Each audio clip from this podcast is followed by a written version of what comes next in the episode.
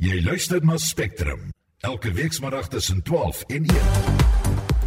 In vermiddag se program Sake Liga wil hê die tesourier moet ingryp by die diensleweringskrisis in die Dietse Botlam munisipaliteit. Die parlement gaan nie die Palapala gebeure ondersoek nie. Nee, die meilsteen van Palapala sal beslis nie weggaan totdat daar klarigheid is by die vervolgingsgesag en uh, ondersoek binne die wetgewer of die president 'n uh, saak het om te antwoord nie. En 'n ondersoek deur Enact lê korrupsie by die Kreer Wildtuin bloot. Welkom by Spectrum onder redaksie van John Estreisen. Die produksieregisseur is Daitrin Godfrey en ek is Susan Paxton.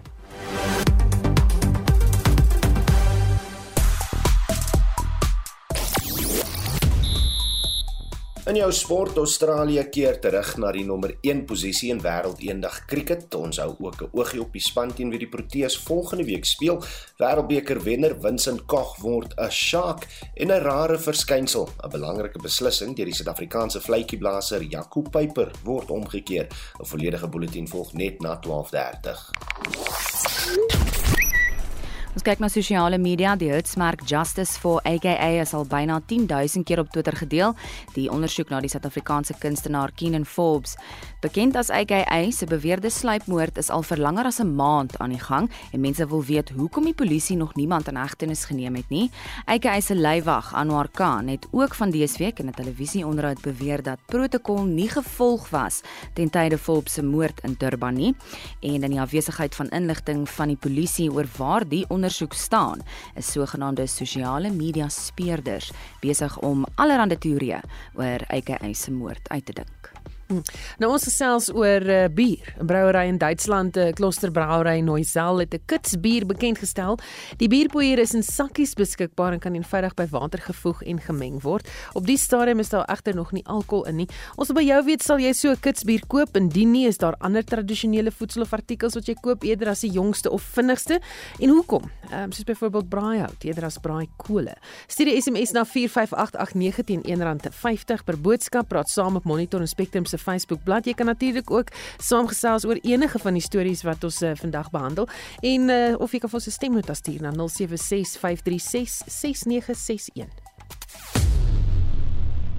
Jy luister na Spectrum elke weekmiddag tussen 12 en 1. En dis by kanse 8 minute oor 12. Die Dietse Botlam munisipaliteit in Noordwes is weer in die nuus. Die keer het anonieme werknemers aan 'n koerant gesê daar is niks meer oor om te breek in die munisipaliteit nie. Die werknemers het anoniem gebly want diegene wat uitpraat ontvang doodstrygemente. Intussen is Sakeliga vandag en môre saam met verskeie gemeenskapsorganisasies van Lichtenburg en Kolini in die Hooggeregshof in Mahikeng om te eis dat die tesourier dringend ingryp om die diensleweringskrisis teen te staan. En vir die jongste praat ons nou nou met die Sake Liga se regsverteenwoordiger Tian Alberts. Goeiemôre Tian. Goeiemôre. So hoekom vra julle nou dat die tesourie betrokke raak? Uh ons vra dat die tesourie betrokke raak omdat elke liewe vlak van regering uh, tot en met die tesourie uh, misluk het om in te gryp in hierdie munisipaliteite en uh oor oor 'n klompie jare dat daar geen vordering gemaak is nie. Uh, dit is inderdaad so dat daar niks meer is om te preek in hierdie munisipaliteite nie en dat dit nou nodig is vir vir vir ingryping op die hoogste vlak uh, waarvoor die grondwet uitdruklik voorsiening maak. So wat gaan julle van die tesourie eis? Wat moet hulle doen? Die tesourie moet uh, kragtens hulle verpligtinge in die grondwet en wetgewing 'n uh, finansiële finansiële herstelplan implementeer uh, en ook 'n uh, algemene ingreep in die munisipaliteit doen om kritieke dienslewering te herstel. Uh, so dit is 'n omvattende uh, remedie waarvoor voorsiening gemaak word uh, in die grondwet ons voorsien egter dat die tesourier uh, nie daar daarin gaan slaag om hierdie ingrepe suksesvol te doen nie. Uh, en dis wanneer Sakeli gaan ander gemeenskapsorganisasies moontlik weer die hof gemoed nader uh, vir skepende nuwe regshulp wat gemeenskappe in staat stel om self ingrepe te doen. En uh, hoe verloop die hofverrigtinge sover? Die hofverrigtinge verloop stadig sover. Ons het pas verneem dat uh, ons het 'n 2 2 dag allocasie gehad vir die saak om aangehoor te word en dat die saak waarskynlik uitgeskuif gaan word omdat daar ander allokasies op die rol gedoen is. Met ander woorde dat ons weer gaan moet terugkom hof toe um, omdat ons saak uitgeskuif is. Ons lees van mense wat doodstrygemente ontvang as hulle uitpraat oor die ware stand van sake in Dietsebotla, word julle ook gedreig?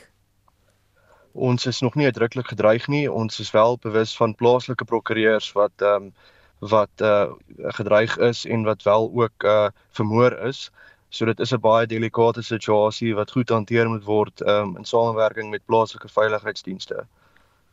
Baie dankie. Dit was Sakeliga se regsverteenwoordiger Tian Alberts. Tussen verkiesings het gister in verskeie wyke in die Wes-Kaap en KwaZulu-Natal plaasgevind en ons praat nou hieroor met die onafhanklike verkiesingsontleder Dawie Skols. Goeiemôre Dawie. Goeiemôre Susan. Ons begin in die Wes-Kaap. Tussen verkiesings is in Swellendam en Berrydale gehou. Wat was die uitslaa?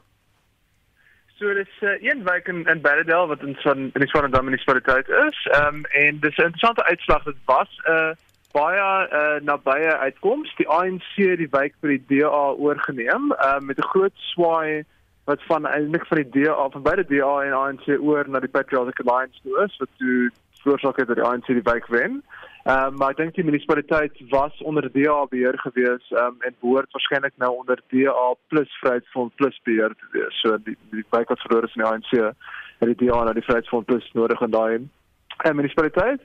Ehm um, so ja, interessante uitslag en interessante uh, ek dink uh, uitslag vir 24 vir 2024. Mm, waarop bedui dit dink jy? Altyd 'n tendens wat ons sien in landelike gebiede in die Wes-Kaap, Oos-Kaap en Noord-Kaap veral onder breinkiesers. Ehm um, waar daar 'n relatief groot deel van daardie kiesers ons sien so tussen 15 en 30% sou ek sê wat in die laaste paar dis verkiesings oor is ehm um, na die Patriotic Alliance. Dus ek dink die Patriotic Alliance begin beter en beter te doen um, en gaan waarskynlik 'n groot impak hê in veral die Weskaap in 2024. So dit is sal baie interessant om te sien hoe daai um, tendens voortgaan onder soortgelyke tussenverkiesings en daar sien saak gaan dit ook baie interessant is om te sien of dit tot in Kaapstad gaan. In die Weskaap is ons weet oorgrootste meerderheid van die kiesers in Kaapstad self. En um, ons het nog nie baie tussenverkiesings gedoen in gemeenskap in Kaapstad gehad die laaste paar jaar nie of die laaste jaar sien nie. Um, so dit is interessant om te sien um, of die tendens voortgaan in die Kaap ook. Hmm. In KwaZulu-Natal was daar tussen verkiesings in Danhauser en Ubuhlebezwe wie het koning gekraai. Baie interessante situasie in KwaZulu-Natal. So, ek dink seker vir die laaste jaar of so sien ons 'n baie sterk tendens van die IFP wat beter en beter begin doen. Ons weet tradisioneel is die noorde van KwaZulu-Natal uh, baie baie baie sterker vir die IFP en in Danhauser wat in die noorde is, het die IFP wyk by die ANC gewen. So ek dink 'n groot omswaai beide die ANC en die IFP het laas jaar ehm um, van 2021 alkeen 36% in daai wijk gewen. Ek dink die IFP is op na oor die 50% toe die ANC het jou steen verloor en die EFF het jou steen verloor. En um, so ek dink uh, van in die tendens wat ons die laaste ruk sien van stemme wat oorgaan van die ANC af na die IFP toe veral in die noorde van KwaZulu-Natal. Ehm um, en dan die die ander interessante een wat in, die Boegewesway wat eh, 'n uh, ander streek van KwaZulu-Natal. Dit is nou die suide van KwaZulu-Natal wat ehm um, in die verlede baie sterker ehm um, uh eh, ANC area is uh, waar EFF nie so sterk is nie. Maar selfs daar ehm um, is daar 'n hele groot ehm um, kom stemme oor van die ANC af na die. Dus die ANC het wel die wijk behou in die Boegewesway maar alles af na ek dink 70%, dit klink nou baie, maar dis 'n plek wat hulle histories 90 of 95% selfs van die stemme gewen het. En gister het die IFP 20% daar gewen en die, en die ANC is af na 70%. So ek dink dit dit is in lyn met die tendens wat ons sien die laaste paar maande van stemme wat oorgaan van ANC IFP toe uh in KwaZulu-Natal en ek dink die grootte van KwaZulu-Natal is verskeie miljoene kiesers wat daar stem. Ehm um, dit het implikasies vir die nasionale uitslag. Ek dink dit sal die ANC baie bekommer oor die implikasies vir die nasionale uitslag en ook uit die afsluit in KwaZulu-Natal. Hmm, ek wonder of jy vra, jy weet as as nou al hierdie jy weet uitslae luister, lyk dit asof jy weet die 2024 politieke prentjie heel anders gaan lyk na die verkiesing. Dit gaan baie baie interessante verkiesing wees. So ek dink daar's 'n paar interessante tendense. So die die een is dat dit meer en meer begin lyk asof dit 'n sterk waarskynlikheid is dat die ANC onder 50% gaan wees in KwaZulu-Natal. Ehm um, as gevolg van hierdie tendens na die IFP toe. So ek dink die KwaZulu-Natal se politiek gaan baie interessant wees en warm wees. Ehm um, en dan die aardse saak, uh, dink ek uh, die you know die gesprek tussen die die Demokratiese Alliansie en die Patriotic Alliance, veral in die breingemeenskap, dit gaan 'n groot stryd wees in 'n klomp plekke. Ons het 'n spesifieke sing paar weke terug in die Noord-Kaap gehad waar die waar die PA ook ehm um, dit groot gegroei in koste van die DA. Daar's ander gebiede waar die DA dan weer beter doen, maar ek dink dis 'n dis 'n toutrek tussen die PA en die DA in hierdie gemeenskappe. Ehm um, wat wat ek dink interessante implikasies gaan hê vir die Weskaap se provinsiale verkiesing. Ek dink daarsoom is dit meer waarskynlik dat die DA nog by 50% gaan bly, maar ook nie heeltemal 100% seker nie. En dan uit die hart van die saak is die mense wat ons sien die land oor waar daar kiesers teen die ANC draai baie interessante implikasies vir die algehele nasionale uitslag in 2024. Baie dankie, dit was die onafhanklike verkiesingsontleder Dawie Skols. Die parlement het besluit om nie die president te ondersoek na die Palapala gebeure nie. Tydens 'n stemming in die nasionale vergadering het die EFF Aljamal, die Good Party en die NFP besluit om nie die DA te steun in sy versoek vir so 'n ondersoek nie. Die politieke ontleder aan die Noordwes Besigheidsskool, Dr Piet Kroukamp sê, die besluit beteken nie die meelsteen hang nie meer om Ramaphosa se nek nie.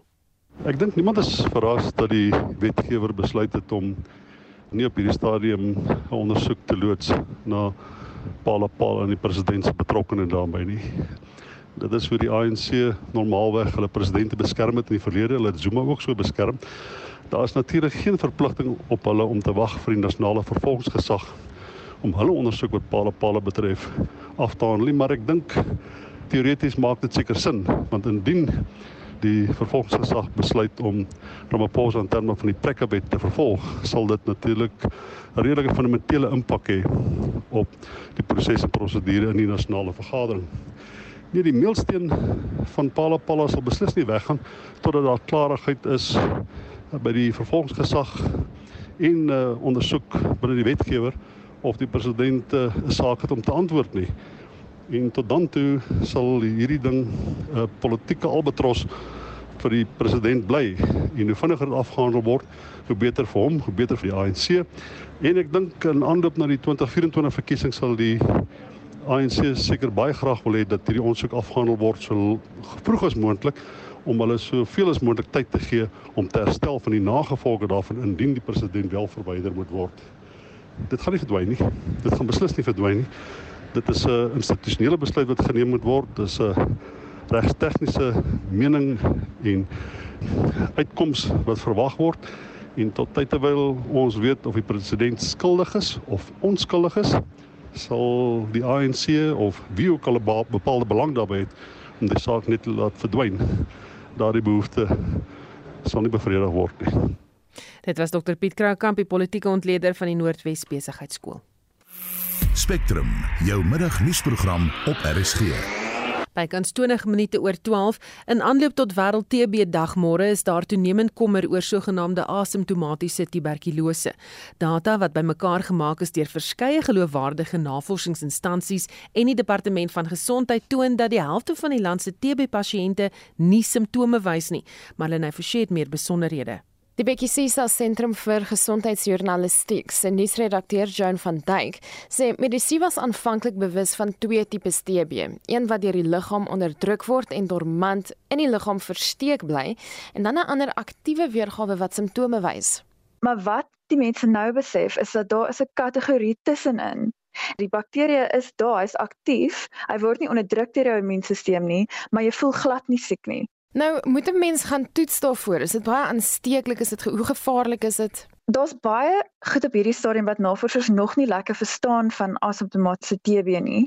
En dit sluit in of mense wat hierdie tussenin tipe TB het, die bakterie na ander versprei en of hulle altyd van hierdie asymptomatiese toestand gaan oorgaan na die simptome wat ons almal ken, stiehoes en sweet en so aan. Maar daar is wel dinge wat mens klaar kan doen. Die gesondheidsdepartement het nou nuwe riglyne om mense te toets vir TB en behandeling wat so dit maak dit nou baie makliker vir mense om hulle self teen TB te beskerm. Sy sê die regering het 'n nuwe model om TB te toets. Enigiemand wat negatief toets vir aktiewe TB sal nou 'n behandelingskursus kan kry wat keer dat jou latente TB aktief word in jou lyf. Hoe weet 'n mens jy moet gaan toets? Dit is natuurlik dan die vraag. Daar's baie meer mense wat nou getoets gaan word by klinieke. Jy sal dalk sien in die containers wat baie keer so rondom die land gaan, sal jy kan laat toets of jy aktiewe TB het en die vorm van TB kan behandel word. Wat navorsing nog probeer opklaar is of mens moontlik 'n korter kursus van behandeling kan vat vir die tussenin tipe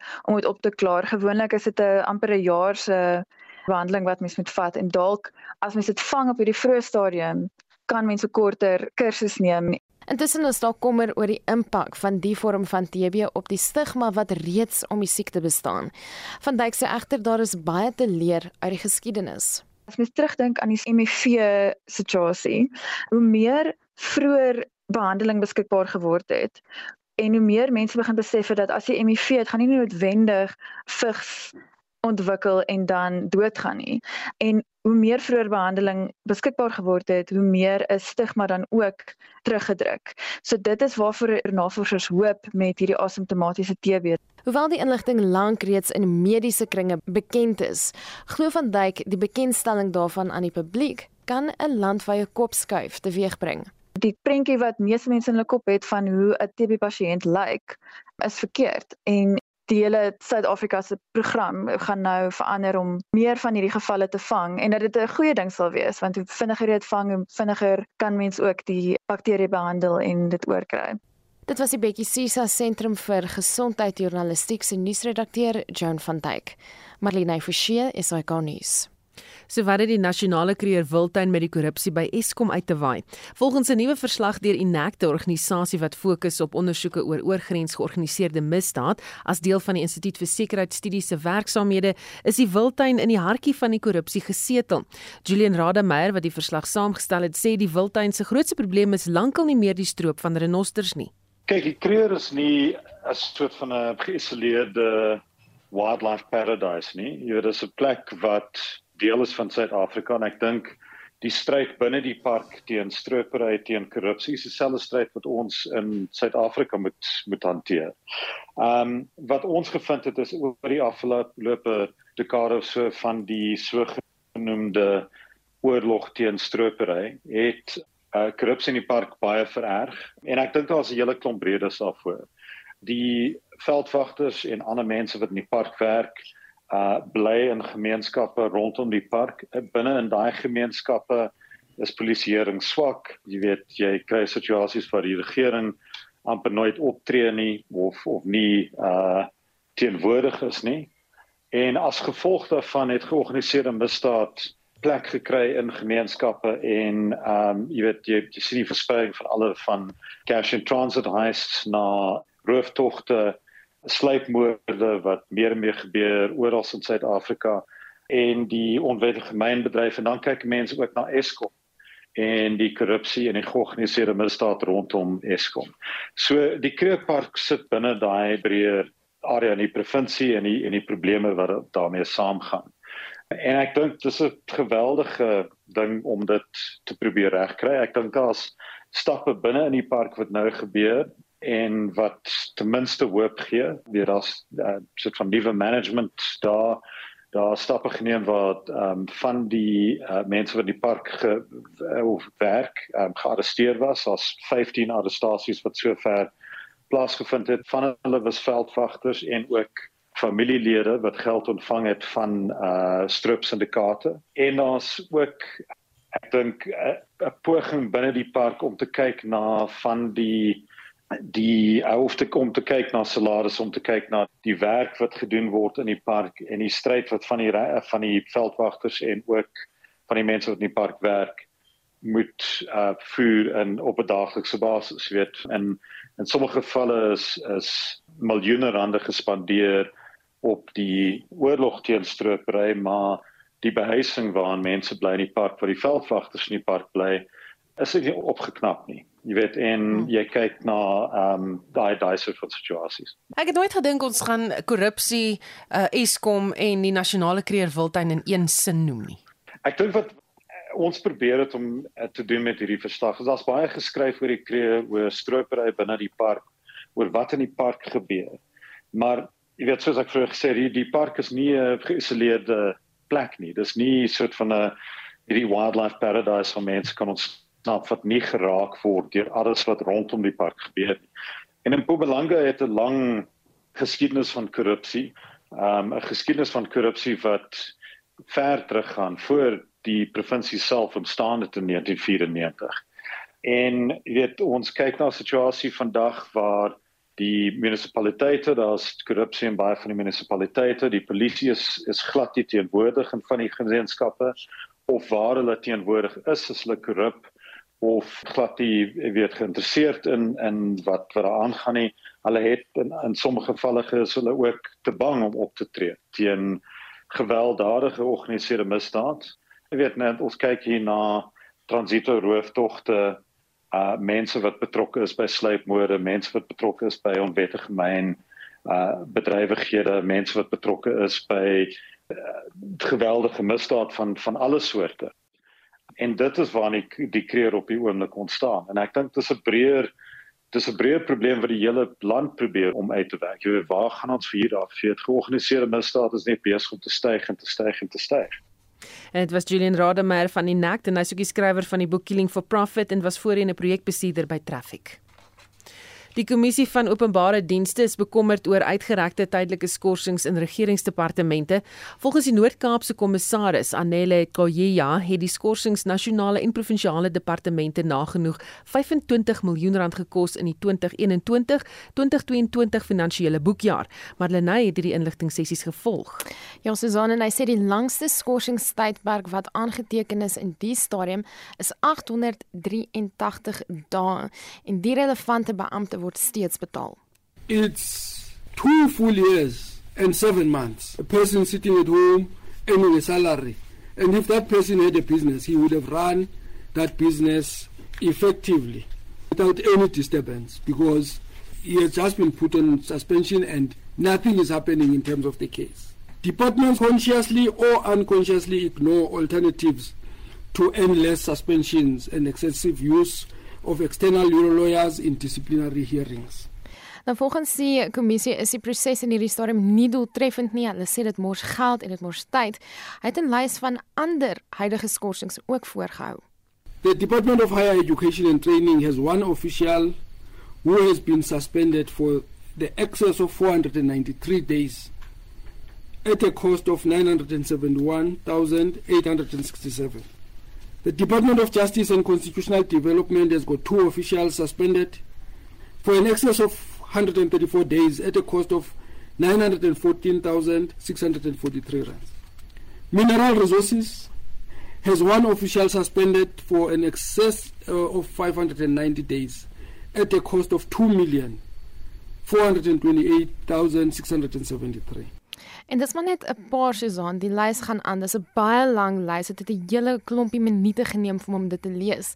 Nou hy sê dis nodig dat die menslike hulpbronne kapasiteit verskerp moet word om die kwessie van eindelose skorsings te stop. Ideaal gesproke moet sake soos die binne 60 dae opgelos word.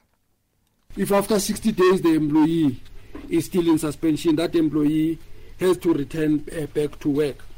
You can take a precautionary transfer you transfer the employee to another department or to another section just to be able to conduct the investigation because in our view suspension is for investigation purposes.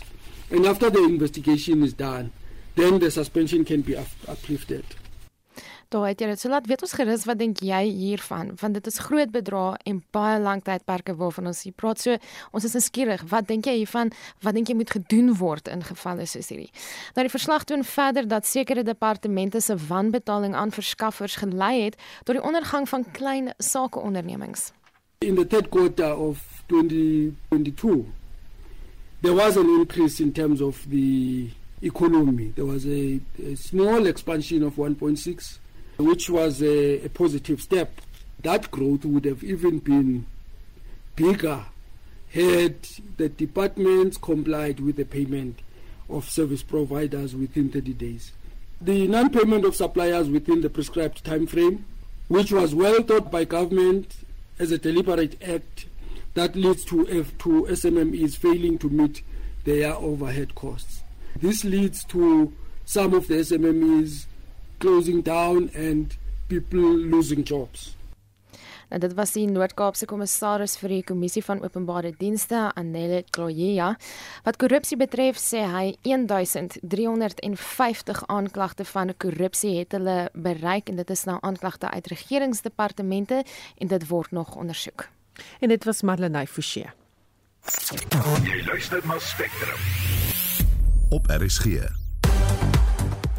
Later in die program die konstruksiesektor het in die laaste kwartaal van 2022 effe teruggesak en die Federale Reserve Raad het die rentekoers in Amerika verhoog. Bly ingeskakel.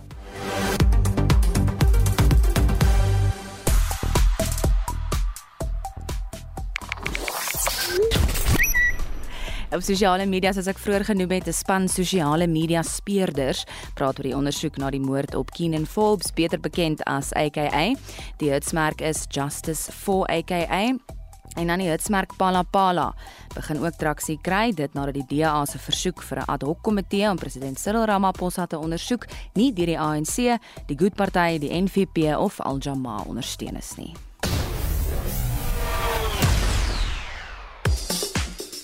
En uh, Oudo Karel se die jongste sportnuus. Goeiemiddag Oudo. Middag Susan. Ons begin met cricket waar Australië weer koning kraai in 'n uh, eendag spel. Ja, ons aardsvyand het teruggekeer na die eerste posisie in eendag cricket na al reeds sege teen Indië in Indië. Nou Indië se tans in tweede, die verdedigende wêreldkampioene Engeland in derde, Suid-Afrika in sesde plek. Ehm um, as ons kyk na cricket wat aan die gang is, die tweede eendag wedstryd van Nederland se reeks teen Zimbabwe. Uh, hulle speel daar waar Zimbabwe eerste gekolf het en die jongste telling daar 247, dis vir die verlies van 9 paaltjies en hulle speel daar in die uh, 56 uh, 56ste balbeurt. Ierland 96, dis nou vir die verlies van 8 paaltjies in die 26ste balbeurt en dis in die derde eendag wedstryd teen uh, Bangladesh hy wedstryd ook tans aan die gang. En uh rugby nuus, die Sharks het nog 'n groot aanwins gekry. Ja, dis korrek. Uh Wêreldbeker wenners dit uh, Vincent Koch uh, keer terug huis toe en sal vir die Sharks speel. Dit na 'n kort uh, speelloopbaan by die Franse span staat Fransy. Uh die Sharks se chequeboek is ingespan om Koch huis toe te bring danksy 'n uh, skuif na Bath in Engeland deur die ander bokste Thomas Tutoy. Uh soos by, by rugby hou ek sien ook 'n berig vandag in die Telegraph dat wêreld rugby 'n nuwe wêreldliga kompetisie oorweeg wat eintlik maar net die toetsreeks van reg oor die wêreld in 'n liga sal omskep wat lydens die berig sal bestaan uit twee groepe van 6 spanne elk van onderskeidelik die suidelike en noordelike halfrond. En uh, net 'n laaste rugby storie want dit gebeur nie alledaags nie dat uh, Jaco Peyper ons top fluitjieblaser se beslissing om 'n rooi kaart toe te dien aan Engeland heel agter Freddie Stewart uh deur die Ses Nasies Rugby Komitee omgekeer is en dit spruit uit 'n voorval in Saterdag se wedstryd teen Ierland waar Stewart kop gestamp het met sy Ierse ewe knie en die komitee daar besluit dat die kontak onvermydelik was en dus word die rooi kaart omskep in 'n geel kaart. In golf is dit rondte een van die Johnson Walkway Ope, dis nou by Steyn City in Johannesburg waar is dit is 'n uh, stryd is tussen oud en jonk. Die 47-jarige veteraan Darren Figard is die voorloper. Hy is op die 18de puitjie tans en is 8 onder baan syfer. In tweede plek tans is die 22-jarige Suid-Afrikaner Jaden Shaper. Hy's 1 nou agter op 7 onder baan syfer en dis na 14 puitjies. Wat is die jongste sokkernuus? Wel die sperdatum vir alle aanbiedinge om die Engelse klub Manchester United te koop is uitgestel dit na verwarring oor die oorspronklike spertyd wat gister 11 namiddag was. Die Qatari bankier Sheikh Jassim bin Hamad Al Thani, het daar sy aanbod betyds ingekry en word deur die bank Rein wat die transaksie behartig namens die Glazer familie oorweeg saam met die van Britse miljardêr Jim Ratcliffe. Die Amerikaanse familie soek eh, soek blykbaar meer as 7 miljard dollar vir die klub wat ons wel weet van die aanbod van die Qatari sakeman is dat dit die uh, bou van 'n nuwe stadion insluit of dit nou beteken dat die legendariese Old Trafford voortaan nie gebruik sal word nie of net 'n duur laag verf gaan kry dit sal ons eers weet sodra die klip verkoop is. En net voor ek loop, uh, wil ek net vertel van my nuwe sokkerheld, die Egiptiese skeieregter Mohammed Farouk. Hy het gister tydens 'n liga wedstryd 'n doel afgekeur, maar die wyse waarop hy dit gedoen het, maak van hom 'n held. Sokker in Egipte gebruik nog nie die uh, veelbesproke tegnologie om beslissings te maak nie. Toe wat doen Farouk toe hy onseker was oor die uh, blaas van sy vletjie? Hy het iemand in die skare se selfoon gebruik. Die kyk weer gebespeer en toe maak hy die regte besluit. Nou hulle sê 'n boer maak 'n plan en blykbaar geld dieselfde vir Egiptenare, maar sy doen en laat het gelei tot 'n skorsing deur Egipte se sokkerliga. Baie dankie, dit was Uro Karlse van ons sportredaksie. Spectrum, jou middagnuusprogram op RSG. So bykans 20 minute voor 1. Die konstruksiesektor het in die laaste kwartaal van 2022 effe teruggesak. Dis volgens die jongste Afrimat konstruksieindeks wat eh, bekend gemaak is vanoggend. Ons praat nou met Dr. Rolof Botha, die ekonomiese raadgewer van die Optimum Beleggingsgroep. Goeiemiddag Rolof. Goeiemiddag julle. Hoe het die indeks vertoon? Nie goed nie. uh ek van sokker is die ekonomie uh in in sy geheel uh die Afrimat indeks het in tweede uh, die laaste kwartaal op uh, teenoor die derde kwartaal het hy teruggesak met 2.2% terwyl die BBP met 1.3% teruggesak het maar daarom op 'n jaar tot jaar basis was die Afrimat indeks 1.9% uh, sterker uh, terwyl die ekonomie met 0.9% gegroei het. So maar dit is redelik in in lyn met mekaar. Mense mense sal verwag dat konstruksieaktiwiteit uh, moet daarin in, in 'n groot mate verband hou met wat in die, in die hele ekonomie gebeur. Hm. So behalwe dan nou vir die effe terugsak het die sektor oor die algemeen positiewe groei getoon. So hoe hoe ver is die sektor van algehele herstel af? Wel, as mens kyk na die Afrimat indeks is hy ehm um, min of meer op dieselfde vlak as as uh, net voor die uh, COVID pandemie. Maar wat kommerwekkend is, is dat hy nog nie naaste by by sy hoogste vlak ooit was nie. Ehm um, wat in die derde kwartaal van 2016 aangeteken is. Uh toe was hy op uh die die indekswaarde op 143.6. Hy's nou op 120.9. Maar wat later ons net moet onthou is dat daai daai einde van 2016 was min of meer die tyd toe Suid-Afrikaners begin besef het uh in mas dat hier is groot fout met die regering van hierdie land en die staatsinstellings uh, uh, en dit was die staatskaping era van uh, meneer Zuma wat toe uh, neerslag begin vind het en uh, die konstruksiesektor het uit die algemene saak uit het hy uh, die, die onderspit gedelf om met die die, die instansies wat verantwoordelik is vir die instandhouding van infrastruktuur en vir die bou van nuwe infrastruktuur. Hulle is lam gelê deur uh, korrupte mense wat ook nie oor die regte uh, vaardighede beskik het om te doen wat hulle veronderstel is om te doen. Hmm. Daai uh, hoe kan ek stel waarop daai hierdie vir ons toekoms in terme van die ekonomie? Dan ons het ons bereikpunt glo ek bereik. Ehm um, en nou dat ons ons het nou minder van elektrisiteit wat skynbaar uh, onbewus is van die korrupsie by Eskom, dit is werklik vreemd. Hulle moet maar net lewenstyl audits doen van sommige van die senior bestuurders van Eskom, veral die wat in armoede omgewing bly, om te kan vasstel maar jy kan nie so leef met die salaris wat jy by Eskom verdien. Uh om om bewus te raak van die, korrupsie uh in in daardie instansie wat uh, hopelik in in die toekoms uh tot einde sal kom maar dit is soos anders van hier in die uh, amptenaar van Afrimaatse hy sê on on on sukkel maar uh, mense moet maar jou entrepreneurskap in die dag lê ehm um, en en die die geleenthede wat nou gaan ontstaan met uh, hernubare energie hopelik ook met die instandhouding en die skep van nuwe infrastruktuur uh en, en dit sal geen vrugte hoegenaamd alwerk tensy die private sektor by elke stap van die infrastruktuurproses betrokke is, van die beplanning tot by die tender-evaluasie tot by die implementering. As dit kan gebeur, dan is ons dan is ons kop deur. Baie dankie. Dit was Dr. Rolof Botha, die ekonomiese raadgewer vir die Optimum Beleggingsgroep. Ons bly by ekonomiese sake. Die Amerikaanse Federale Reservebank het ten spyte van die bankkrisis in die land rentekoerse verhoog. Die skuif laat ekonomie hier plaaslik dink dat die Reservebank volgende week hier ook rentekoerse sal verhoog.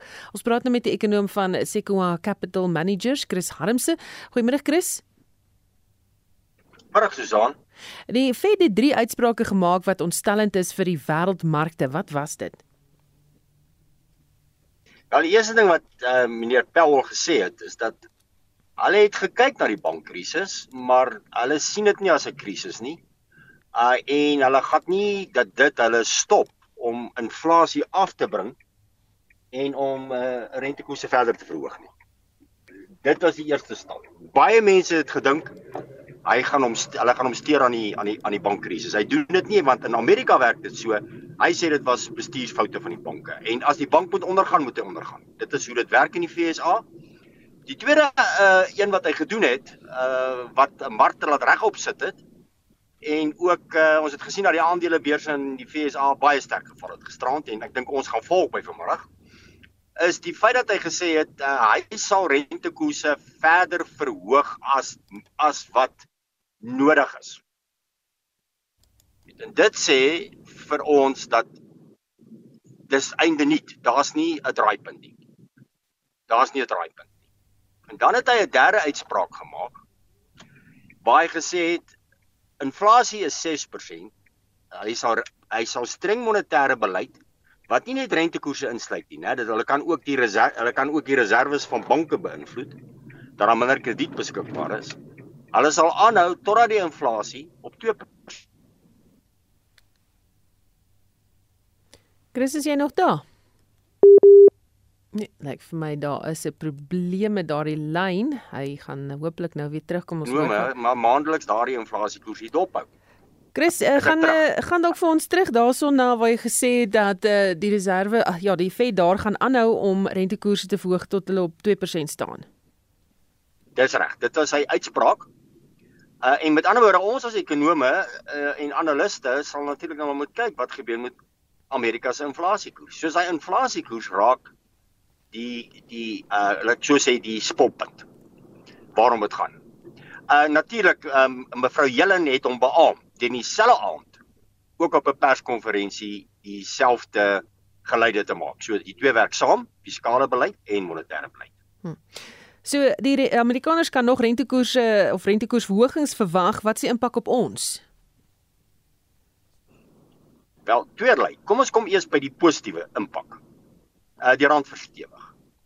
Tot ongeveer die vorige twee het die rand verswak. Maar die analiste reken nou en die ontleeders reken nou dat Amerika se ekonomie is op pad na resessie toe. En dit het nou al veral veral van gister af die rand laat begin verstewig.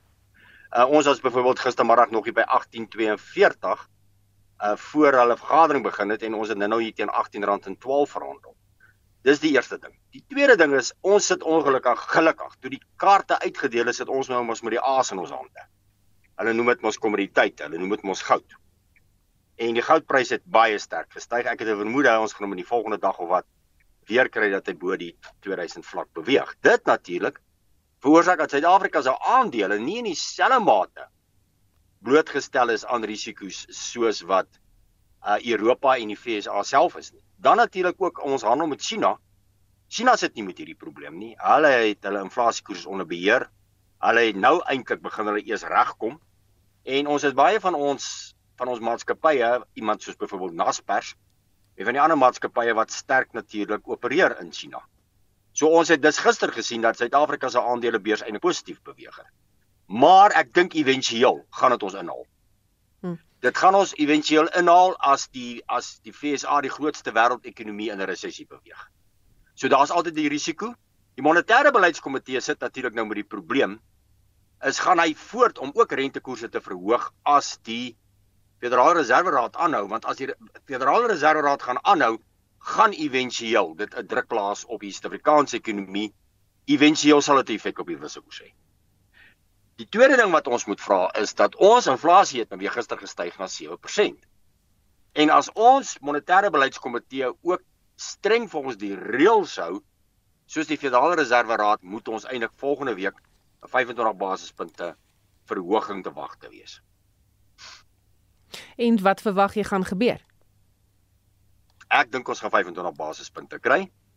Ek dink ons gaan dit definitief kry uh, die Reserwebank is nogal in sy vorige uitspraak gesê dat inflasie is bo die boonste mikpunt. Hulle wil die inflasie eintlik op 4.5% hê, die middelwaarde. So ek het 'n vermoede ons moet ons mag reed maak vir 'n 2.5% of 'n 25 basispunte verhoging volgende donderdag die 30ste. Baie dankie, dit was uh, Dr. Chris Harmse, ekonom van uh, Sequoia Capital of Capital Managers. Die EFF se beoogde grendelpoging die afgelope maandag het die kolle geplaas nie net op die politieke party en sy steun onder kiesers nie, maar ook op Suid-Afrikaners se vrese en onsekerhede. Die politieke joernalis en skrywer Jan Jan Jubber sê vertroue en selfvertroue is laag veral in vertroue in die regering en staatsinstellings en daarom die groot fokus op die grendelpoging voor die tyd.